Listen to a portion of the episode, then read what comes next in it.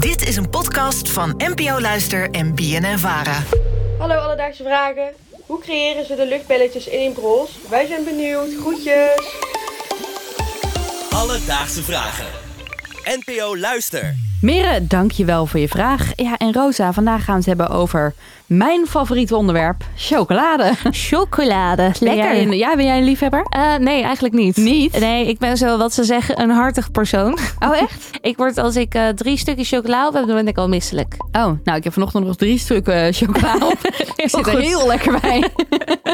nou goed, we zijn dus voor Mere op onderzoek uitgegaan. En voor die vraag heb ik even gebeld met Emma Koster. Zij is brandmanager confectionery bij Nestlé, waar Bros onderdeel van is. Dus Emma, vertel, hoe komen de luchtbelletjes in de Bros terecht? Ja, dus in de fabriek wordt er eh, warme chocolade in brosvormen gesmol- gegoten. En het is heel belangrijk dus dat de brosvormen warm zijn. Want zo stult de chocolade niet voordat de belletjes erin zitten. En wanneer deze brosvormen dan gevuld zijn met chocolade... wordt er uiteindelijk onder hoge druk lucht ingeblazen. En dan door deze toevoeging van de lucht... ontstaat er een soort explosie van bubbels in de chocolade. Het klinkt een beetje alsof ze een soort bruisend water gaan maken, maar dan met chocola. Ja, dat is denk ik best wel een goede vergelijking. Ja. Je hebt best wel kans dat ze daar in de fabriek ook gewoon met soort van luchtdruk. Ja, dat doen ze met heel veel zuurstof. Eh, g- gooien ze dat in het water en dan krijg je bubbels. Nooit zo bij stilgestaan, maar best een goede opmerking. Ja, ehm, ik heb direct ook wel even aan Emma gevraagd wanneer dit eigenlijk is ontstaan. Het is in 1934 ontwikkeld door een familie uit Amsterdam, familie Benstorp. En de fabriek stond eigenlijk in Bussum, maar ze hadden wel meer dan 100 chocoladewinkels verspreid over heel Nederland. En in 1988 kwam het merk in handen van Nestlé. En in- uiteindelijk hebben we in 2007 de fabriek naar Tsjechië verplaatst. Nou, een Nederlandse product dus. Heel mooi, dat had ik eigenlijk niet verwacht. Nee, ik ook niet. en ik vond- had ook ja. niet verwacht dat het al zo oud was. Nee, ik ook niet. 1935? Ja. Vooroorlogsproduct.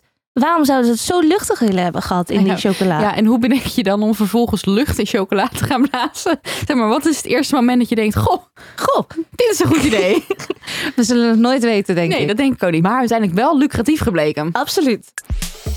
Alledaagse vragen. Ja, Rosa, dan nog even een klein quizje. Leuk. Hoeveel van deze reepjes denk jij dat er per jaar in Nederland alleen ongeveer worden gegeten? Ik denk niet heel erg veel. Ik denk niet dat het een heel populair product is, maar ik denk een miljoen.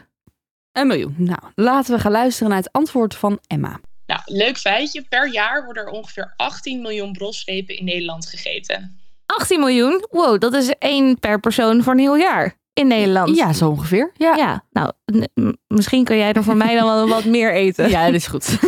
dat doe ik wel. Dus Mirre, vandaag zochten we voor je uit hoe de luchtbelletjes in de brosrepen terechtkomen.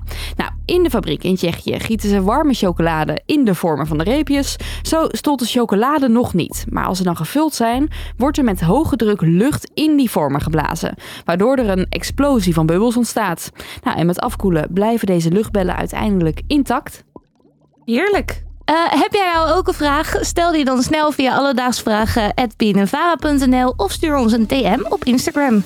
Het Alledaagse Vragen. Alledaagse vragen. NPO Luister. BNN Vara.